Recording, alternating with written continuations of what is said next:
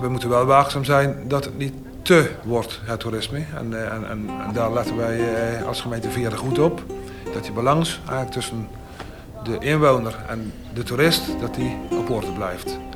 Dat is voor mij wel een van de lessen van de afgelopen jaren. Van willen wij in ons land alle veranderingen accommoderen en de bevolkingsgroei en de duurzaamheid, dan zullen we ook wat meer bestuurlijk lef aan de dag moeten gaan leggen. En toch ook wel een beetje een cowboypolitiek van degene die het langste volhoudt en het hardste doordrukt in termen van protest, die wordt bediend. We zitten in een ruimtecrisis. We willen zonnepanelen, windmolens, graan, vlas, koeien. We willen scholen, vakantiehuizen, verzorgingstehuizen, bejaardenflats en doorschuifwoningen. Kangeroewoningen, hotels, kantoren ook. Een plein om te spelen, een plek om thuis te komen. We willen wonen. En we hebben maar één Zeeland. In de eerste twee afleveringen hebben we het gehad over ruimte voor uh, landbouw en ruimte voor water. In deze aflevering gaan we het hebben over ruimte voor mensen. En mensen hebben voor heel veel dingen ruimte nodig. Om te leven, om te werken, om te sporten, om te recreëren, om lekker op het plein te hangen en een biertje te drinken, om naar de bioscoop te gaan, om naar school te gaan. Kortom, we hebben eindeloos ruimte en gebouwde omgeving nodig. En niet alleen maar voor de Zeeuwen zelf, ook voor toeristen of voor uh, bijvoorbeeld migranten. Nou, daar heb ik meteen een goed voorbeeld van. We zouden in Studio A58 zitten met het project van uh, grondbeleid op 10 december. Uh, maar daar zitten nu 250 veldbedden uh, waar vluchtelingen op slapen. Dus de, ehm, dat is al multifunctioneel gebruik van de ruimte. Maar dat betekent ook meteen dat je ehm, moet gaan schuiven. Ik, ik, ben blij dat we gaan schuiven, want het is goed om die ruimte te maken volgens mij. En om het ook te relativeren tegenover die 250 veldbedden staan ook 341.900 bedden voor toeristen in Zeeland.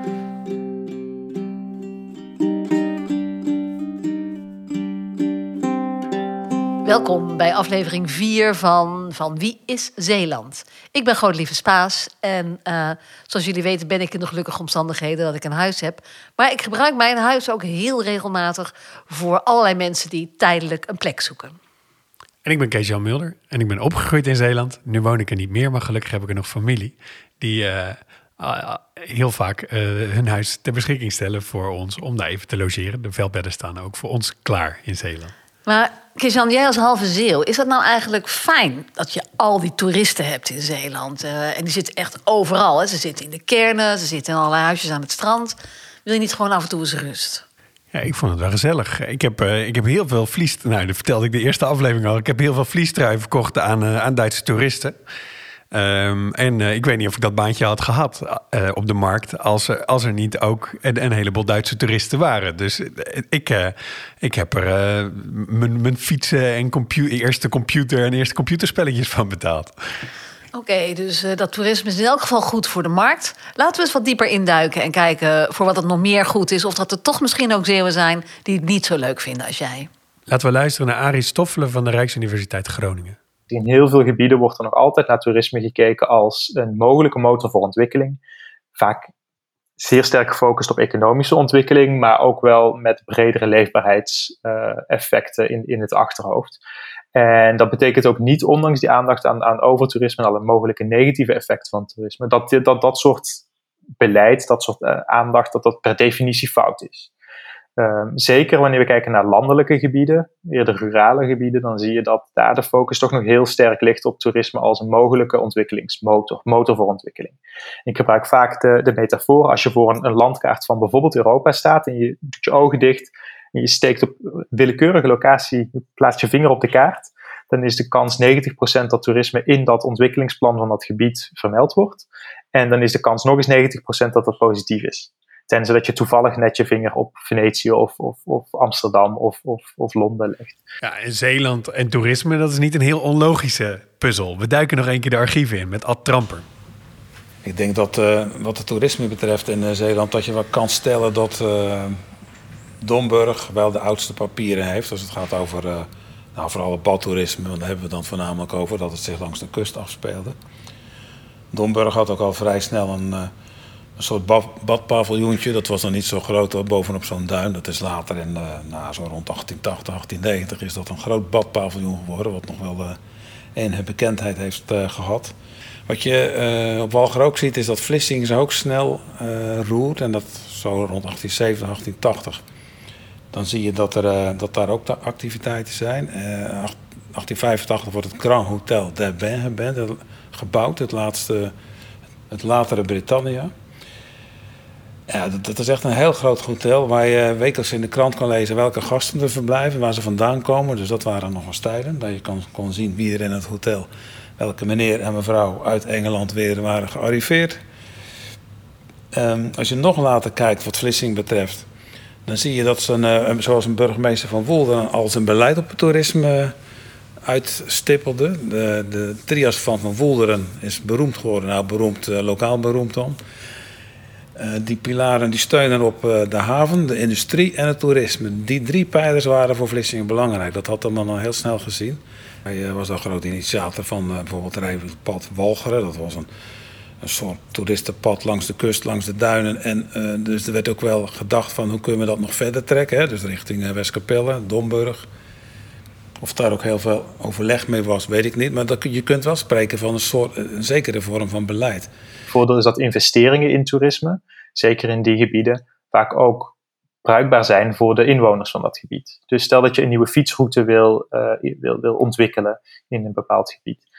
Dan is dat infrastructuur die natuurlijk toerisme, toeristen kunnen gebruiken, maar ook lokale inwoners kunnen die gebruiken in hun eigen vrije tijd. Dus je ziet dat daar het overlap tussen toerisme en vrije tijdsgebruik voor bepaalde ruimtes, uh, dat dat een grote meerwaarde is. Dus zelfs als er weinig toeristen komen, dan heb, kun je nog altijd de leefomgeving van de mensen die er wel nog altijd wonen, kun je nog altijd stimuleren door die investeringen. Dus dat is een win-win effect. Ja, als je kijkt naar het kenniscentrum Kusttoerisme, heeft een onderzoek uitgevoerd naar uh, waar mensen dan blij van worden als het gaat om toerisme in Zeeland. Als je dan naar die top 10 kijkt, dan zie je helemaal bovenaan werkgelegenheid. 97% van de mensen ziet dat als een positieve invloed. Inkomsten voor bedrijven, inkomsten voor toeleveranciers. Uh, maar je ziet ook een soort sociale win. Uh, kwaliteit en kwantiteit van de horeca. Je hebt veel meer plekken waar je lekker kunt eten. En ook gewoon hele simpele dingen als een supermarkt. We horen wethouder Adrie Rolsen van de gemeente Veren. Ja, de voordelen uh, van, van onze toeristen op het voorzieningenniveau... die zijn eigenlijk de, de uh, de grootschaligheid eigenlijk van, van het aanbod. Van met name de horeca, de supermarkt. Uh, ja, zonder de, de, de, toerist zouden wij nooit hier in de, in de gemeente Veren zo'n breed aanbod hebben. We zien dat er, dat er diverse grote supermarkten zijn. Ja, die kunnen mede dankzij de toeristen in, in, in, in de lucht blijven. Oké, dus er zijn veel voordelen. En, en Zeeland heeft een lange traditie in toerisme en heeft daar ook profijt van gehad door de jaren heen. Hè, met infrastructuur die is aangelegd. Maar er zijn volgens mij ook negatieve kanten. Er zijn ook steeds meer stemmen die vinden dat het misschien wel toch te druk, te vol, te veel wordt. Ja, en dat is niet alleen in Venetië waar je grote protesten ziet. Uh, ook bij ons in Nederland, bijvoorbeeld in Amsterdam, waar nu uh, Airbnb aan banden is gelegd. Zijn er in Zeeland ook op sommige plekken dat soort maatregelen nodig? Uh, klassieke negatieve effecten zijn op, op stedelijk gebied zie je die het meest, meest duidelijk zijn overtoerisme. Overtoerisme wanneer de, de toeristische druk zo groot is dat de leefbaarheid van een, een stad uh, achteruit gaat. Nou hoe bepaal je leefbaarheid dan? Opnieuw zijn er verschillende manieren om dat te benaderen. Eén vorm is, is simpelweg de percepties van mensen. Wanneer mensen niet blij zijn met de toeristen die er komen, dan is er, is er, gevolg van negatief, is er sprake van een negatief effect van toerisme. Dat betekent ook dat een concept impact van toerisme, dat dat een, een subjectief gegeven is. Dus het concept overtoerisme bijvoorbeeld geeft niet aan dat je uh, een absolute hoeveelheid toeristen kan ondersteunen en één meer niet, dat het dan te veel wordt. Je ziet vaak dat, uh, dat, dat overtoerisme niet door iedereen overtoerisme genoemd wordt. Sommige mensen vinden het, in, uh, het te veel toeristen, anderen vinden het niet te veel toeristen. We hebben in, uh, in 2019 hebben we een onderzoek laten uitvoeren. Uh, dat is leefbaarheid en toerisme. En daar staat duidelijk genoemd eigenlijk wat, dat, wat dat de mensen hier in Veren van de toeristen vinden. grosso modo eigenlijk ervaart de bevolking, toch de toeristen als, als welkom. We moeten wel waakzaam zijn dat het niet te wordt, het toerisme. En, eh, en, en, en daar letten wij eh, als gemeente Veerle goed op. Dat die balans eigenlijk tussen de inwoner en de toerist, dat die op orde blijft. Want als dat scheef gaat groeien, en dat, dat, dat is al in een paar kernen aan de hand, dat dat iets te druk wordt en dan, dan, eh, ja, dan wordt het toerisme toch wat meer als, als druk ervaren. En dat moeten wij zien te voorkomen. Het moet voor iedereen prettig zijn, zowel voor onze inwoners als voor de toer- toerist of de badgast, dat ze zich hier welkom voelen. Nou, dat het subjectief is, dat blijkt volgens mij wel. Als je bijvoorbeeld weer dat voorbeeld neemt van aan het begin... de 250 veldbedden voor vluchtelingen... daar wordt significant meer op gereageerd op social media... dan op de 341.000 bedden voor toeristen die er ook in Zeeland zijn.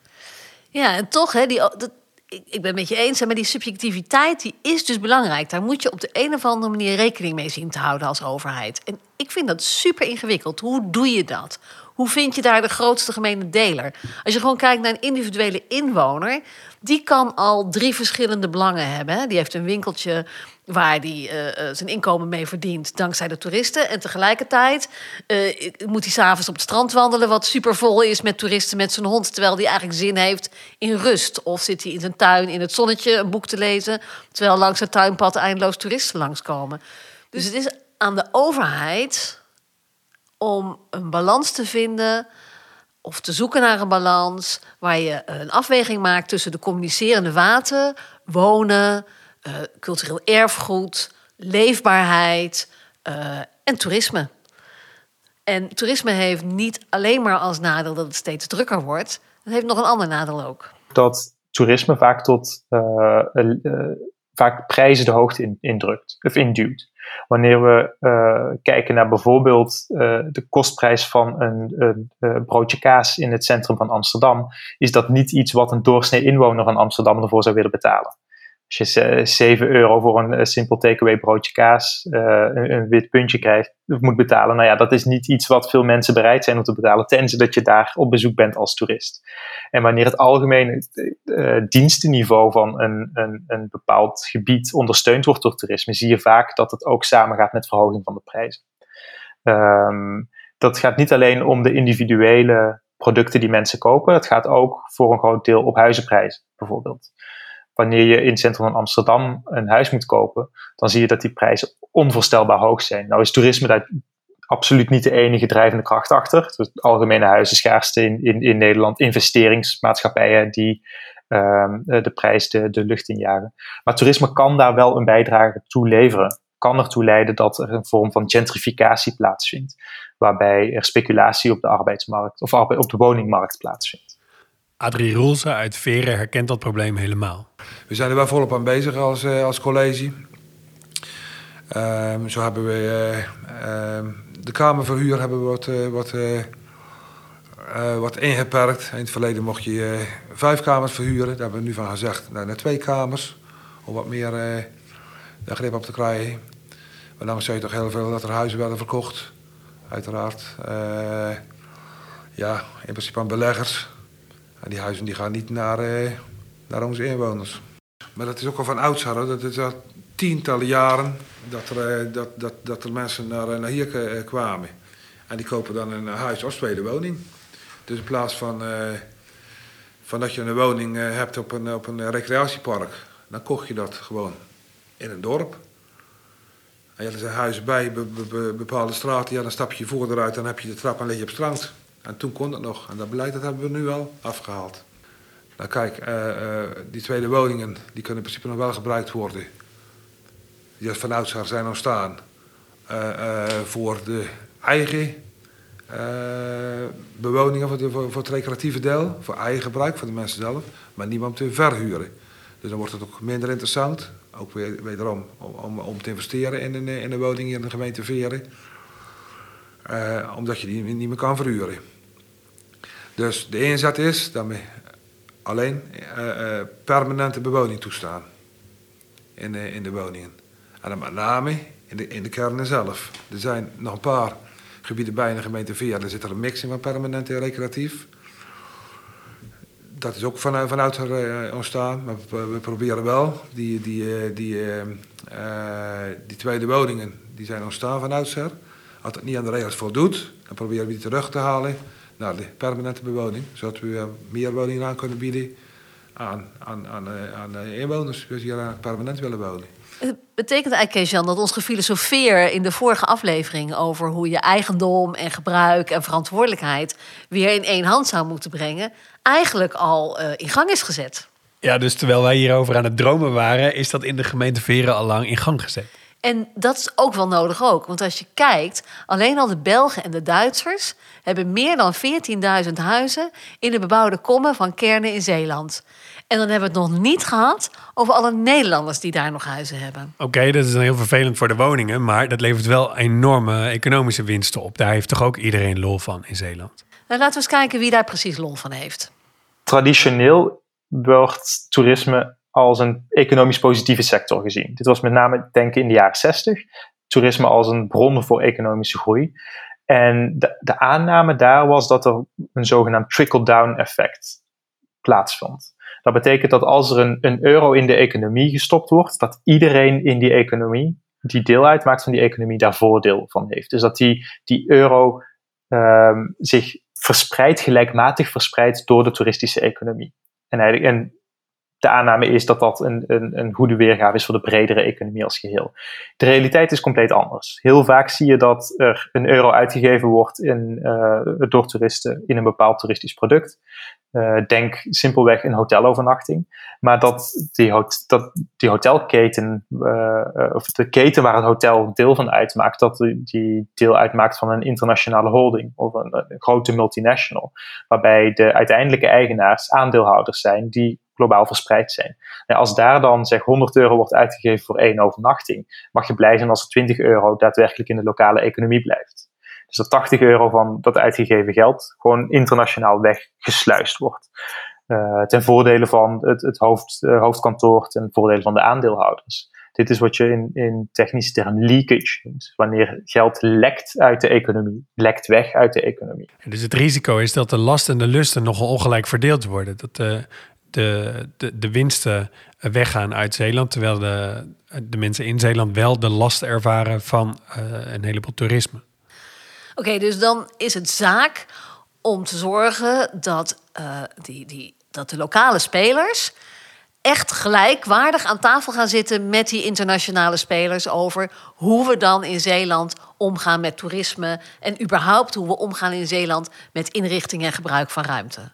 Ja, in, in die vormgeving daarvan moet je volgens mij niet alleen maar kijken naar wat levert de meeste winst op, maar ook meer wat willen we eigenlijk als gemeenschap met elkaar. En daar heeft eh, Terry van Dijk van de Rijksuniversiteit van Groningen een fantastische drieslag voor. Ik, ik noem het in mijn uh, vakken desire, design, decision.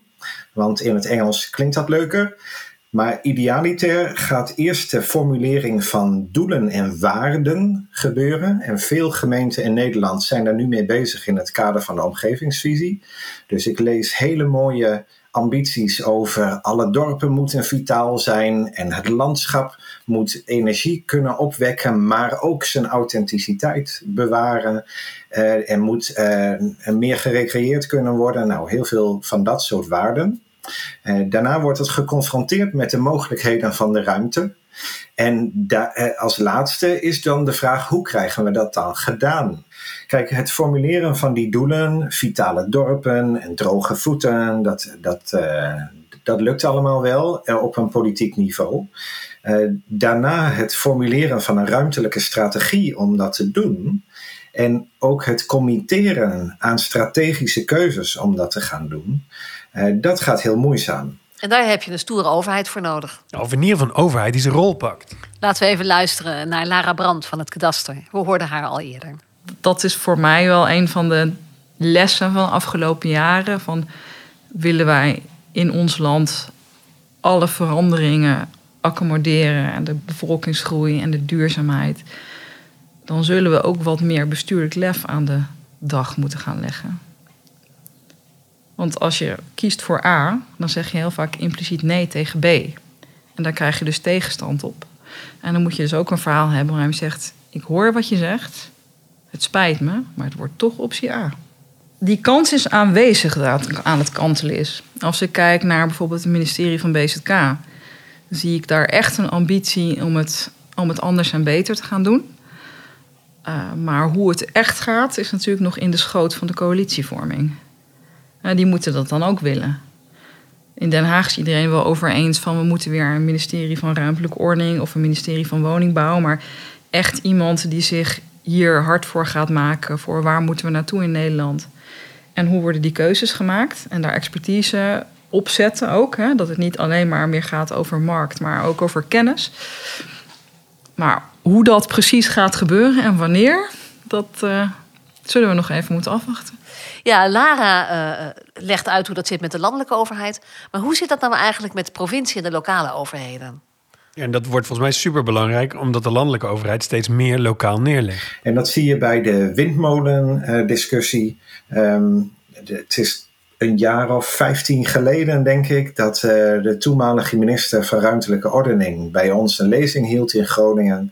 En die zei toen echt letterlijk: uh, ja, de windmolens. Uh, dat, daar gaat Den Haag zich niet mee bemoeien. Dat levert alleen maar ellende op. Dat moet je lokaal maar uitmaken. Maar dit is de doelstelling: zoveel windenergie op land.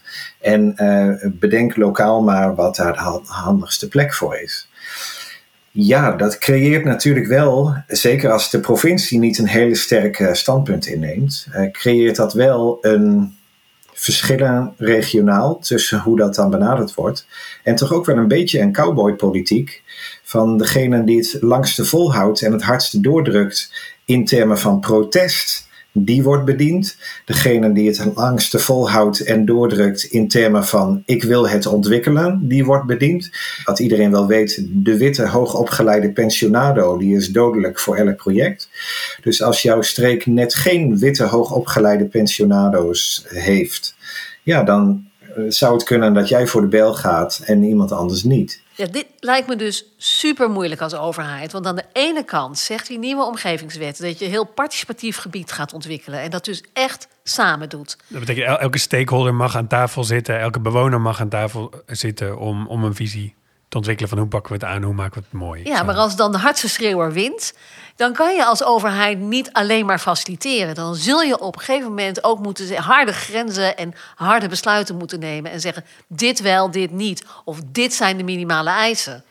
Ja, en dan heb je een landelijke politiek die vraagt, aan de, die vraagt lokaal van, van los dingen op.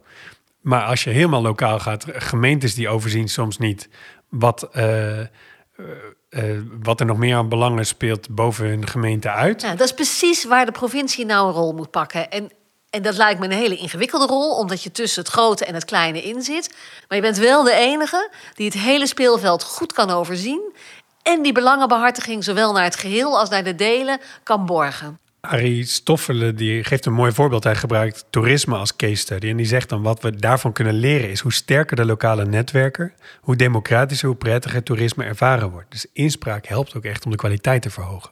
En vaak als je ziet dat dit een heel erg monopolistische, uh, monopolistisch netwerk is, dan zie je dat, uh, dat uh, de, de, effecten van toerisme, toerisme vaak heel, heel negatief zijn. Economisch, maar dus, zoals, ja, dus ook sociaal en cultureel wanneer het eerder een, een, een pluralistisch bottom-up netwerk is, waarbij er verschillende uh, actoren betrokken zijn. Dat kan nog altijd die multinational zijn, maar dan ook lokale ondernemers, uh, lokale gemeenschapsgroepen. Wanneer daar een, een beleid plaatsvindt dat rekening houdt met al die verschillende belangen in een bepaalde regio, dan zie je dat toerisme vaak veel positiever effect heeft. Ja, dus wat nu wel belangrijk is, dat je echt goed oplet wie er aan tafel zitten en hoe je die verschillende stemmen gelijkwaardig naast elkaar zet. En dus ook stemmen die nu nog niet gehoord worden. En dat je ruimte geeft, niet alleen aan de mensen met het belang en de grootste schreeuwers, maar dat je ook de andere partijen uh, meeweegt in jouw besluitvormingsproces. Uh, want je ziet dat bij bijvoorbeeld sociale woningbouw, dat de grondeigenaren of de bewoners eromheen die krijgen veel inspraak en uh, die hebben veel impact. En die zijn natuurlijk ook direct belanghebbende. Zeker als het uh, heel druk wordt in de buurt, wijze van spreken. En er sprake is van planschade. Natuurlijk moet je met die mensen aan de slag. Uh, maar die mensen die afhankelijk zijn van die sociale woningbouw, die spreek je niet. Weet je, die hebben helemaal geen stem in het proces. En dan is het ontzettend makkelijk om te zeggen: we bouwen die woningen maar niet. Of we bouwen er maar minder. Want die mensen die op de achterbank van hun auto leven met twee kinderen, die spreek je niet. En ik ben van mening dat je dan ook als overheid daar de verantwoordelijkheid voor moet nemen. En moet zeggen: oké, maar ik ben er ook om voor die mensen op te komen die geen stem hebben en die geen direct belang hebben, maar die wel afhankelijk zijn van deze, van deze ontwikkeling. Maar kan iedereen wel meepraten? Niet iedereen heeft overal evenveel verstand van, toch? En hoe richt je dan zo'n dialoog in? En die dialoog die schiet in de participatieretoriek vaak door aan het vragen van eigenlijk een, wat we noemen een uh, raw opinion. Dus je vraagt mensen gewoon, wil je dit? En dan zeggen de mensen nee, ik vind het stom. En dan ontstaat toch weer dat uh, machtsspel over wie krijgt hier nou voorrang. Wat je eigenlijk wil is een echte dialoog waarbij uh, je actief die streken ingaat, niet wacht op weerstand, dus actief de streken ingaat, een aantal mensen om de tafel zet, letterlijk, eh, waarmee je samen een zoek- en leerproces doorgaat. Want de mensen in de streek moeten ook een educated opinion gaan vormen, waarbij ze bereid zijn zich te verdiepen in de materie. Uh, democratie betekent niet zeg maar wat je, uh, wat je onderbuikgevoel is. Democratie zegt we hebben een gesprek op basis van goede informatie. En daarbij gaat het dus ook over aannames die je hebt, een beeldvorming. Ik ken een geval in, um, bij Den Haag waar een klein stukje landbouwgebiedje uh, bij Leidsendam zou worden opgeofferd. Hè, het is ook retoriek, dus opgeofferd aan een golfbaan. En iedereen zei: boe, golfbaan, nee, want er zitten hier vogels. Aanname 1, hè, vogels verdwijnen. En uh, ja, en dan kan er straks niemand meer in. Aanname 2, waarom zou dat gebied opeens niet meer toegankelijk zijn? En uh, het waterschap zei ook: ja, we hebben hier uh, doelstellingen over waterberging. Aanname 3, hoezo zou je dat niet kunnen inpassen in een golflandschap? En er is uiteindelijk een ontwerper geweest die daar een visie heeft gemaakt hoe, je, hoe de golfer en de weidevogel en de lokale hondenuitlater en het waterschap met zijn waterberging eigenlijk in dat gebied. Eigenlijk, het voelde als een upgrade. Het voelde niet als opgeofferd voor. Het voelde als verrijkt met. Als Terry dit allemaal zo vertelt, dan klinkt het eigenlijk heel luchtig en, en relaxed. Ik vraag me af, zou het niet uh, sowieso allemaal wat eh, flexibeler, wat, eh, wat, met wat meer lucht hierover moeten kunnen praten. Ja, het is een state of mind waarin je ziet dat er veel meer hybride vormen komen. Je ziet dat bedrijven heel intensief samenwerken met NGO's of zelfs soms gewoon voor een deel NGO worden. Je ziet dat onderwijs samengaat bijvoorbeeld met zorg voor ouderen. En dat kinderen daar een rol in hebben om samen met de bejaarden uh, de dag door te brengen, waar ze allebei beter van worden. Dus je ziet dat die vaste hokken en dat vaste grid wat we hebben ook aan het schuiven is. Zou je dat dan ook fysiek kunnen maken als het gaat over eigendom of als het gaat over vastgoed of gebouwen? Of? Nou ja, dat zie je natuurlijk nu ook gebeuren. Dat, dat bijvoorbeeld uh, oude fabrieken omgebouwd worden tot werkplekken voor startende ondernemers. Of dat er tijdelijke kantoren woningen, woningen, worden. ja. Ja. kantoren tot woningen. Uh, dus misschien als we nou, want dat kost nu veel geld en veel moeite. Maar als je dat nou van tevoren bedenkt, dat je gebouwen zo maakt dat ze steeds kunnen veranderen van bestemming of van gebruik. Dat zou enorm helpen, want dan worden die discussies en al die gesprekken die je met elkaar hebt ook misschien wel minder ingewikkeld van. We luisteren naar Frank Wassenberg. Hij werkt voor Platform 31.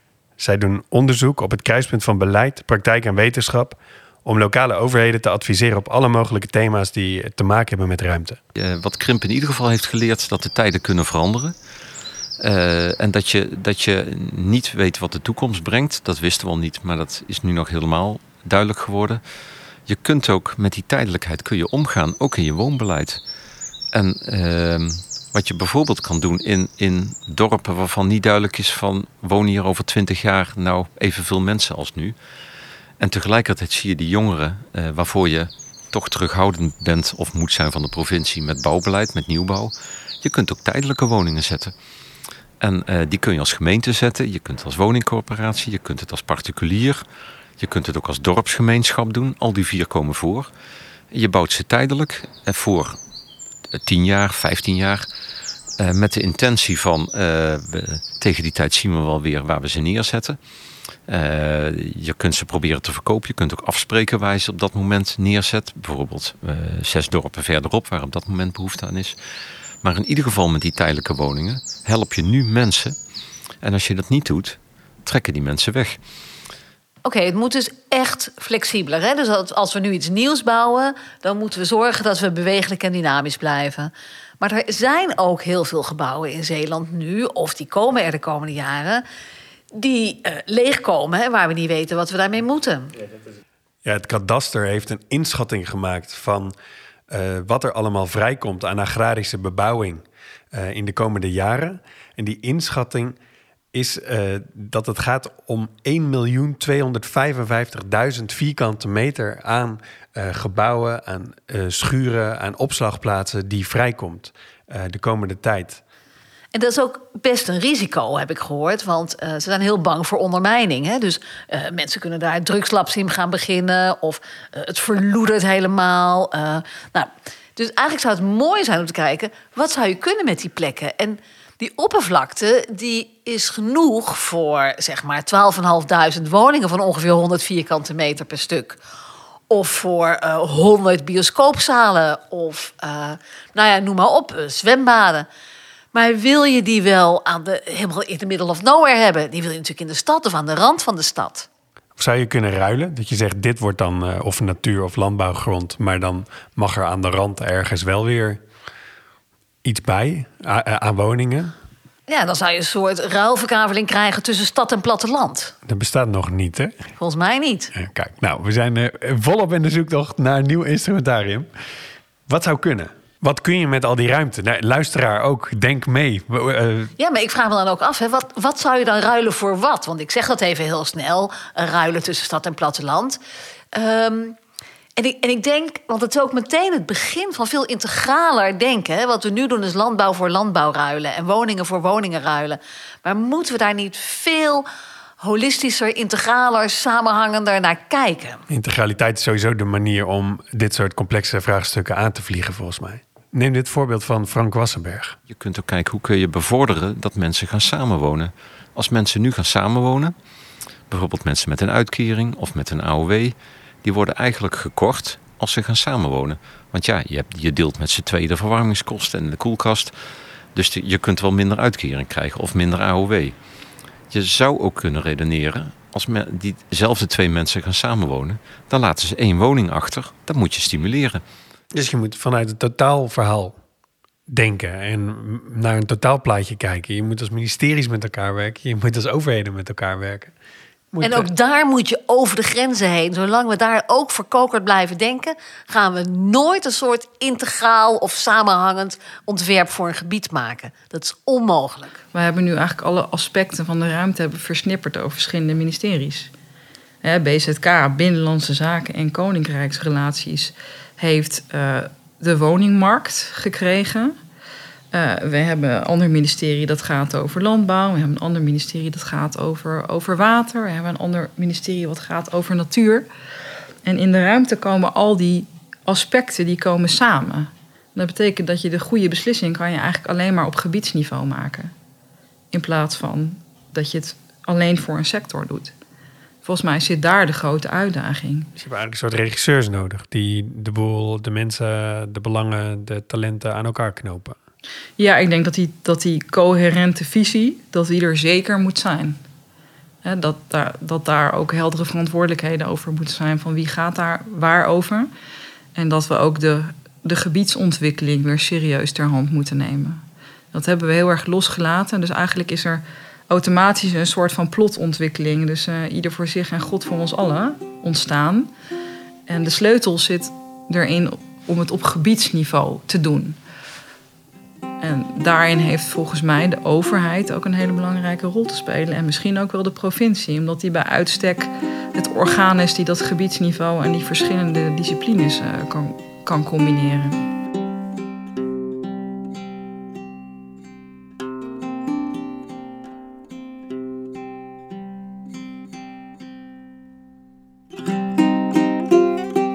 Dat is, best een flinke kluif op het bord van de provincie. Als je kijkt naar wat wij nu allemaal de revue hebben laten passeren in deze aflevering. Hè? Lara zegt van eigenlijk zou de provincie daar een belangrijke rol in moeten spelen. We hebben ook gezegd dat dat zou moeten op een hele democratische manier, hè, waarbij echt iedereen uh, aan bod komt en ook elke stem uh, telt. Tegelijkertijd hebben we gezegd dat die provincie als een soort waakhond moet zijn hè, en, en beslissingen moet nemen en stevig en sterk en robuust moet zijn als mensen uh, cowboytje spelen of de hardste schreeuwers dreigen te winnen. En daarnaast zeggen we ook nog eens dat binnen de gebiedsontwikkeling alle verschillende disciplines en alle verschillende sectoren misschien wel door elkaar moeten kunnen werken, bouwen, leven. In overleg met elkaar. In, in overleg met elkaar. In contact met elkaar. Wow, wat een opdracht voor de provincie. Hoe gaan ze dat doen? Welke instrumenten hebben we daarvoor en welke instrumenten hebben we daarvoor nodig? Welke instrumenten zouden er misschien wel bij moeten komen om aan de slag te kunnen met deze grote idealen? Laat ons weten wat jullie van de provincie verwachten en welke dingen, instrumenten jullie denken dat de provincie zou moeten ontwikkelen om dit ongelooflijk ingewikkelde vraagstuk in goede banen te leiden. Denk met ons mee, alsjeblieft. Stuur een mail naar de provincie Zeeland. Ga naar de website van de provincie Zeeland of praat mee op de LinkedIn-groep van Wie is Zeeland. We zien je reactie graag tegemoet. En de volgende aflevering gaat over. De grond zelf. Namelijk bodemkwaliteit. Hoe zit dat precies? En wat heeft de kwaliteit van de bodem te maken met de waarde van de grond, van het land? Van wie is die grond eigenlijk en kan die ook een stem krijgen? Kan die ook aan het woord komen? Deze podcast is een autonome productie van de makers en werd mede mogelijk gemaakt door de provincie Zeeland. Als deel van een groter project waarin we op zoek gaan naar nieuwe instrumenten voor grondbeleid. Interviews en montage werden gedaan door Allard Amelink en de muziek is van Broeder Dieleman. Het doel van de podcast is het gesprek over de toekomst van het land en de rol van eigendom aan te zwengelen en te inspireren. En we hopen dat het deze keer weer gelukt is. Tot volgende keer.